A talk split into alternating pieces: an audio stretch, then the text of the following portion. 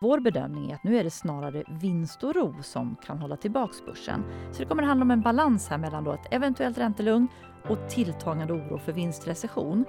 Sen är det klart, med Q3-rapporterna så kan ju den här vinstoron ha skjutits lite mer in i framtiden. Men industriindikatorerna försvagas ändå. Det här är Investera och agera, en podcast från Carnegie Private Banking. Klockan är 11.00. Vi spelar in onsdagen den 26 oktober och du kommer lyssna på Helena Haraldsson som är makrostrateg på Carnegie Private Banking som samtalar tillsammans med mig, Henrik von Sydow. Det finns en plan för den här podden. Vi kommer prata om makroläget och de senaste signalerna. Vi ska prata om marknadsläget. Eh, vad förklarar uppstudsen på börserna? Och sen pratar vi också Svensk politik efter valet. Vad händer med dragkampen mellan regering och Riksbanken om hur expansiv finanspolitiken ska vara? Mycket välkommen till podden Investera och agera. Okej, eh, Helena, vi startar med makroutsikterna. Makro har ju aldrig varit så hett som 2022. Vem hade kunnat tro att vi skulle ha en inflation på 10 procent och att vi skulle ha räntehöjningar på 100 punkter från Riksbanken när vi började det här året? Vad, vad är din bild? Hur, hur ser makroläget ut eh, just nu? Ja, effekten av det du beskriver då med minskad köpkraft och högre räntor är att vi ser väldigt svaga tecken inom konsument men också annat räntekänsligt som bygg och bostadssektorn. Men industriindikatorerna pekar också tydligt ned nu även om nivåerna är okej. Så vi har som ni vet en försiktig marknadssyn. Vi tror att vi är på väg mot en lågkonjunktur även i USA nästa år.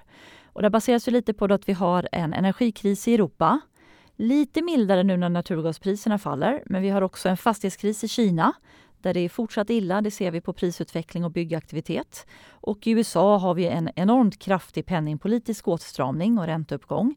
Och där är det lite mer kvar och det tar ett tag innan det här sprider sig i ekonomin. Så där ser vi ju då en, en kraftigare men också bredare inbromsning 23 än vad vi har nu. Mm. Om vi ska ta och titta på de allra senaste signalerna. Vi har ju i veckan fått en rad färska konjunkturbarometrar både från Europa och USA. Vad, vad indikerar barometrarna? Mm. Framförallt är jag lite nyfiken på, på svenska barometern imorgon bitti från Konjunkturinstitutet. Men de vi har fått hittills i veckan, de är svaga. Eh, de är konstruerade så att under 50 är ju lite kontraktion och där är vi nu både i Europa och USA. Eh, det är ju ännu inte recessionsnivåer, men man börjar närma sig i Europa. Eh, vi såg till exempel hur industriindexen i både Tyskland och Storbritannien nu är under 46. Eh, men annars som jag sa då svagt i både Europa och USA och det är svagt både i industri och tjänstesektor. Det som är lite bekymmersamt är att de allra största fallen ser vi i orderkomponenten. Det är den som är mest framåtblickande. Och om vi då kombinerar eh, det många bolag och sektorer uttryckt med stora lager och svagt nyorderinflöde då, så talar ju det för allt lägre produktionsplaner. Eh, sen finns det lite ljuspunkter i det här. Flaskhalsarna blir bättre. Men tyvärr, i vissa fall beror det då på att leverantören har mindre att göra. Eh, det är också positivt tycker jag att många sektorer har ett rekryteringsbehov.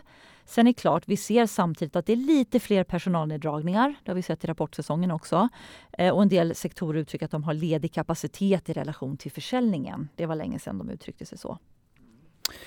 Du, eh, den enskilt eh, största makro och marknadsrisken är förstås kopplat till inflationen och till centralbankernas ambition att kuva den förstås. Om du skulle titta där också då på temat signalspaning, eh, vad är de senaste tecken på inflationens utveckling? Ja, jag tycker att det är lite för få tecken på att inflationen avtar. Eh, jag har i många tidigare poddar sagt att vi är av uppfattningen att inflationen riskerar att bli seglivat hög, även om toppen kan ligga här snart.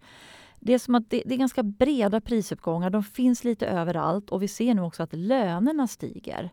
Eh, både i USA men också i Europa. Och precis som du nämnde Henrik, vi ligger ju runt 10% inflation. Och även om vi rensar för energi så är vi i många mått runt 7. Eh, och det som är lite intressant är att när man pratar de här konjunkturbarometrarna så bekräftar bolaget ett väldigt högt kostnadstryck. I Europa då hänvisar man till energi och löner. Och I USA så pratar man då förutom insatsvaror om räntor och löner. Så att löner finns här och det är ju det, är det som väldigt mycket bekymrar och stressar centralbankerna. Sen ska vi inte sticka under stol med att det är väldigt glädjande att råvarupriserna kommer ner. Eh, för det innebär också att de här prisindexen i de här barometrarna som är väldigt råvaruberoende pekar neråt. Eh, naturgaspriserna i Europa har ju fallit ganska kraftigt nu då det har blivit lite mildare oktober och lite blåsigare. Eh, men vi har också, ser man i både Sverige och Europa, åt, vidtagit åtgärder för att minska elförbrukningen som också har fått effekt. Så nu är naturgaspriserna på de nivåer som vi inte har sett sedan 21 egentligen. Då. Sen kan man ju fundera om man har stora lager, blir det reor i vissa sektorer som kan hjälpa till? Eh, men huvudkontanten är nog ändå att konsensus inflationsprognoser det är ett ganska snabbt fall i inflationstrakten under nästa år. Då ska man vara medveten om att det är ganska unikt i ett historiskt perspektiv att det blir så. Det är väldigt ovanligt med en snabb nedgång då inflationen har nått så här höga nivåer. Det har ofta tagit ganska lång tid. Och tittar vi på det här så är det att ofta tar det över två år innan en så här hög inflation ens halveras. Och det gäller både Europa och USA. Sen är det klart, den här gången har vi lite pandemirelaterade flaskhalsar som kommer försvinna. Men vi har också två andra saker som talar åt andra hållet och det är att vi började strama åt penningpolitiken lite väl sent den här gången. Så har vi gjort det med krafttag förstås då. Och den här gången så stimulerar du gärna politiker med lättare finanspolitik trots hög inflation på grund av energikris och annat. Du, eh, tydligt kopplat till inflationsutvecklingen är förstås rörelserna på räntemarknaderna. En, en snabb uppdatering, hur ser det ut där? Jag skulle vilja säga att räntemarknadens oro har fortsatt för att inflationssignalerna har varit fortsatt höga. Eh, det, en tioårsränta i USA är fortfarande över 4% men ibland går den snabbt upp och sen går den snabbt ner några dagar. Och de här stora slagen i sig tyder på att det är stor osäkerhet och lite nervöst. Eh, det vi ser kopplingen till börsen är att så fort räntorna faller så blir börsen lite glad och särskilt techaktier. Eh, men då kanske det är värt att nämna då att vi tror att det finns en ränteuppgång kvar. Centralbankerna är inte klara men långa obligationsräntor i USA brukar toppa ungefär på den nivå dit Fed höjer. Och jag tror marknaden har rätt. Jag tror att Fed ska upp till 4,5-5 i styrräntan våren 2023. Och då är det lite kvar även på långa räntor. Ja, över till politik, Henrik, och framförallt svensk politik. Den nya regeringen har ju utlovat energipriskompensation och de gick till val på ökade satsningar på både inre och yttre säkerhet men också eh, sänkt skatt, eh, till exempel på ISK. Eh, finns det en risk att Ulf Kristersson gör en Liz Truss? Mm. Um, man kan väl säga så här, det har hänt väldigt mycket sedan eh, det svenska valet. Eh, det har ju gått eh, mer än en månad sedan dess och under den tiden så har ju de ekonomiska utsikterna eh, försämrats, eh, som du är inne på. Eh, jag skulle säga också att säkerhetsläget i Europa har försämrats eh, utifrån utvecklingen både i kriget men också hybridkrigföring där. Och dessutom den här Truss-händelsen förstås, Truss Trouble som är en jättestor sak. Alltihopa det här eh, påverkar arbetet med regeringsbudget just nu tror jag. Det blir förstås ett viktigt dokument. Jag skulle säga att riskerna är Eh, kanske ja, eh, eh, klart mindre för Ulf Kristersson än, än, än Liz Truss. De är också annorlunda. De kan inte helt avfärdas. Det finns ju den här dynamiken eller dragkampen då mellan penningpolitiken och finanspolitiken är ju förstås central utifrån vad jag pratade om tidigare, en inflation över 10 procent, eh, rekordstora räntehöjningen och samtidigt så är valutan också rekordsvag. Så, där. så jag, jag har nog uppfattat att Riksbanken nästan så att säga, liksom hotar eh, politikerna lite grann. Hade tydlig, var väldigt tydliga i varje fall i ett möte med finansutskottet eh, förra veckan om att eh, blir det en alltför expansiv finanspolitik då kommer också räntorna att, eh, att höjas och det skulle, få, det skulle öka risken för den svenska ekonomin. Det skulle ju verkligen då slå mot eh, hushållens löpande kostnader för bostäder och, och, få konsekvenser för konsumtionen och den ekonomiska utvecklingen. Så jag tror att det är rätt svårt i det här läget eh, för en ny finansminister att gå emot sina expertmyndigheter, att våga utmana Riksbanken. Det, det, det tror jag är tufft.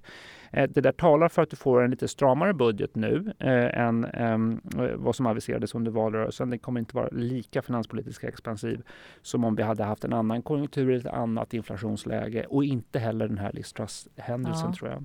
Och då blir man ju som, som investerarna lite sådär orolig. Vad konkret betyder det här då för utformningen av till exempel amorteringskrav, elprisstöd men också eventuella skattesänkningar? Jag tror att det kommer vara svårt att gå vidare med amorteringskravet eller att ta bort amorteringskravet eller ta bort delar av det som jag har varit eh, på, på, debatten. Eh, jag, jag, tror att det mm, är mm, eh, du, du, kommer ha tydliga begränsningar för omfattningen och utformningen av elprisstödet. Det kanske inte gäller alla hushåll i Sverige, det kanske i, i hela Sverige, alla hushåll i hela Sverige.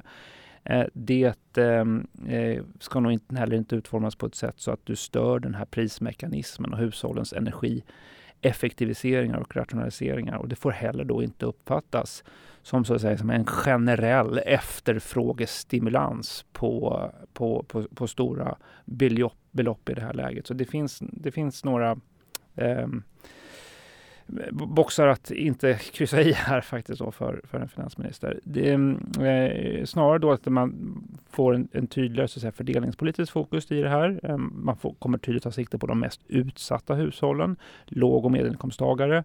Eh, det, det, tror jag eh, kommer få genomslag i det här. Utmaningen är förstås att eh, den här stramheten skapar ju spänningar i en ny koalition. Det gör det. Det här var ju ett viktigt vallöfte. Det var också många andra viktiga vallöften just kopplat till utgiftsökningar på inte minst då inre och, och yttre försvar. Så det, det, kommer skapa spänningar i en ny koalition. Jag tror som sagt utgångspunkt försvarsministern kommer vara, äh, förlåt, finans, finansministern kommer vara försiktig. Mm. Men eh, avtal och regleringsförklaringar är all ära då, för när de här möter verkligheten så hamnar ju fokus lite på krispolitiken. Och vad ska investerare förvänta sig för krispolitik? Ja, alltså det är ju ett nytt policydilemma. Sverige har traditionellt sett varit väldigt bra på, på, på krispolitik. Vi var skickliga under finanspolitiken, vi var skickliga under pandemin får man ju säga. Nu, nu är det ett nytt läge. Du kan inte på samma sätt dra nytta av våra starka offentliga finanser som en krockkudde. Istället just hitta balanspunkten mellan finans och penningpolitiken. Dessutom, det kan man ju notera, så, så är det ju chefsbyte nu eh, på alla topposter i den offentliga ekonomin. Vi byter eh, finansminister, vi byter också riksbankschef i årsskiftet och vi kommer byta, det kommer bli ny chef på, på Finansinspektionen. Det där gör ju att det, det, eh, ja, det finns inte utrymme att göra fel. Det talar också för att hellre, gör hellre för lite än för mycket. Eh, istället då för att finansministern får bära ansvaret för räntehöjningar som slår mot hushållens eh, konsumtion. Jag tror att många vallöften kommer att flyttas framåt i mandatperioden. Mm. Du har ju läst de här dokumenten, både Tidöavtalet och regeringsförklaringen vet jag. Eh, vad kan man ta fasta på som är positivt för investerare i de dokumenten? Ja, man kan, i, i, bästa fall kan man hoppa, hoppas på politisk stabilitet. Det, det, det fixerar och låser in så att säga, liksom en, en, en, ett, ett politiskt samarbete som ja, i bästa fall kanske då stabilitet kan också faktiskt ge maj, en bred majoritet, eller tillräckligt stor majoritet i varje fall. Det närmaste en majoritetsregering som, som vi kommer sedan 2006 eh, och alliansregeringen. Det återstår ju att, eh, eh, att, att se förstås. Jag tycker också man kan känna, kanske då, återigen det återstår att se, men det kanske är så att säga, den här betoningen av det finanspolitiska ramverket, betoningen av sunda statsfinanser och av finansiell stabilitet i regeringsformen Eh, kan ju inge en viss trygghet, så att säga. inget experiment, keine experimente som, som Konrad Adenauer sa i Tyskland. Och sen också då, det här kommer ju längre fram i tid, men det finns ju då eh, så att säga, liksom en gemensam eh, politisk vilja eh, och ambition om än inte då skarpa besked om att eh, ha fokus på eh, en bättre energiförsörjning och med det kärnkraft som, som ett inslag. Det där är ju Energipolitiken kommer att vara jätteviktig i finanspolitiken. Energipolitiken är lika viktig som penningpolitiken. Jag skulle också säga positiv signal är att det här då superdepartementet som det ibland kallas, det här med näring, energi och miljö. Det ger ju faktiskt en annan signal eh, om beslut i tillståndsfrågor som är kopplat till insatsvaror och råvaruförsörjning. Det, det skulle jag ta som positiva signaler. Dessutom kan man säga att de här skatteriskerna som jag levt med eh, tidigare då, eh, höjda nya förmögenhetsskatter och skärpt ISK-beskattning och så vidare. Det, det, är ju faktiskt då skatterisker som slår mot kapitaluppbyggnaden och de är ju nära nog undanröjda med regeringen. Helena, vi tar marknadsläget också snabbt. Då. Det har varit uppstuds på börsen eh, de senaste två veckorna. Eh, vill du förklara optimismen på börsarna? Man får väl som alltid då inleda med att säga att börsen hade ju fallit ganska ordentligt innan den här uppstudsen. Men sen har ju faktiskt rapportsäsongen inte varit så dålig. Eh, I USA har ju resultaten varit en 5-6% bättre än väntat. Eh, sen är det så att i tillväxttakt då, jämfört med vinsterna 21 så har ju försäljningen ökat men vinsterna varit lite mer stabila. Så här kan man väl ana en viss marginalpress ändå. Eh, Sverige, det är ju 50% av bolagen som har rapporterat. Det är också några procentenheter bättre än analytikernas prognoser just för Q3. Då, då. Eh, sen får man väl lägga till att det här är en väldigt techrapport-tung vecka om vi tittar globalt. Eh, och ännu de som har kommit, och Google och Microsoft rosade ju inte marknaden. Ikväll har vi då Meta eller Facebook och imorgon har vi Apple och Amazon. Så, så mycket spännande som kan sätta en trend där. Men det som är lite intressant är ju att vi ser ändå nedrevideringar och där kan jag väl bara nämna då att Carnegie Analys nu ser ju faktiskt endast en vinsttillväxt på runt 3% 2023. Tidigare var det ju 10 Eh, störst är naturligtvis nedrevideringar i konsumentsektor och industri. Eh, särskilt då industri, när man tar bort kroneffekten så, så hamnar nog nedrevideringen även där runt 15 procent. Och det här är ju positivt att nu har vi lite mer rimliga förväntningar även om vi inte är helt där. Mm.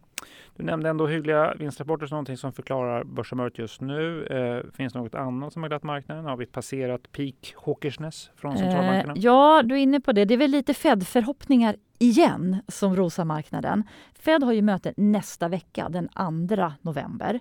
Och inför tidigare möten så har de ju i vissa fall då signalerat ett skifte i tonen via media. För nu är det deras tysta period. Och för en vecka sedan ungefär så kom just en sån signal. Och det var samma tidskrift, Wall Street Journal, och det var samma journalist som man använt tidigare. Och den här artikeln indikerade då att Fed nu börjar fundera på hur de ska signalera ett eventuellt skifte mot mindre storlek på höjningarna från decembermötet. Då, då Så att fortsatta höjningar men i mindre steg. Så det var en pålitlig källa och det var ett budskap då om att räntetoppen kommer närmare, det gillar börsen. Och då blir ju paradoxen lite då också att svagare signaler helt plötsligt glädjer börsen för då minskar ränterisken och därmed sannolikheten för en, en, en, en riktigt djup konjunktursvacka då blir lägre. Sen vill jag säga att börsen har tidigare glatts av sådana här signaler men sen då igen insett att centralbankernas jobb är inte klart. Eh, vad skulle det leda till för slutsats? Vad är bedömningen för att eh, Fed faktiskt då eh, börjar prata om en eventuell räntepaus? Eh, det kommer vara inkommande data vad de säger är, de vet inte ens riktigt själva hur framtiden ser ut. Så att inkommande data på både inflation men också arbetsmarknad som är för het och hela den här löneaspekten. Så först måste det bli mindre hett. Då kan de ta en paus. Sen måste jag också säga det, det är väl inte så konstigt om Fed efter tre och då kanske nästa vecka då fjärde höjningen om 75 punkter vill slå av på takten. Det är ju lite tanken med hela den här framtunga åtstramningen. Så det borde inte vara någon jättenyhet för marknaden även om det är bra att toppen kommer närmare. Då. Eh, sen, sen, vill jag också tillägga det att vi kanske inte tror att det är ränteoro om vi blickar framåt som är det som främst ska pressa börsen ytterligare. För här tycker jag marknaden har ganska rimliga förväntningar. Att Fed ska höja upp mot 4,5-5 till våren 23. Utan vår bedömning är att nu är det snarare vinstoro som kan hålla tillbaka börsen. Så det kommer att handla om en balans här mellan då ett eventuellt räntelugn och tilltagande oro för vinstrecession. Sen är det klart, med Q3-rapporterna så kan ju den här vinstoron ha skjutits lite mer in i framtiden. Men industriindikatorerna försvagas ändå. Så slutsatsen är väl då att eh, jag tror börs och vinster måste bli ännu lite dystrare innan vi kan få se en varaktig börsvändning. Sen, sen, hoppas vi att vi har fel förstås. Det skulle vara roligt om vi fick en gladare börs. Men även om vi tror att det är för tidigt för en vändning så är väl rådet då att man ska kanske göra sig lite startklar genom att, att tala med sin rådgivare så man är redo när det här sker. Tack för det Helena. Och på temat då göra sig startklar för en vändning och prata med sin rådgivare så har vi, vill jag gärna påminna om våra två investeringsteman som vi tagit fram i samband med vår senaste strategirapport. Första temat handlar om energikrisen i Europa och övergången till en hållbar energiförsörjning. Det skapar en serie intressanta investeringsmöjligheter. Det andra temat fokuserar på det som är ett samlingsbegrepp, alternativa investeringar. Alltså att titta och identifiera investeringar som trivs i en miljö med inflation och högt ränteläge och som dessutom gynnas av den här volatiliteten som vi ser nu. Prata med din rådgivare eh, på Carnegie för mer information om investeringsmöjligheterna. Tack idag för att du har lyssnat. Tack så mycket. Är du intresserad av topprankad aktieanalys och unika investeringsmöjligheter? Gå då in på carnegie.se privatebanking och lär dig mer om vad du får som private banking-kund hos oss.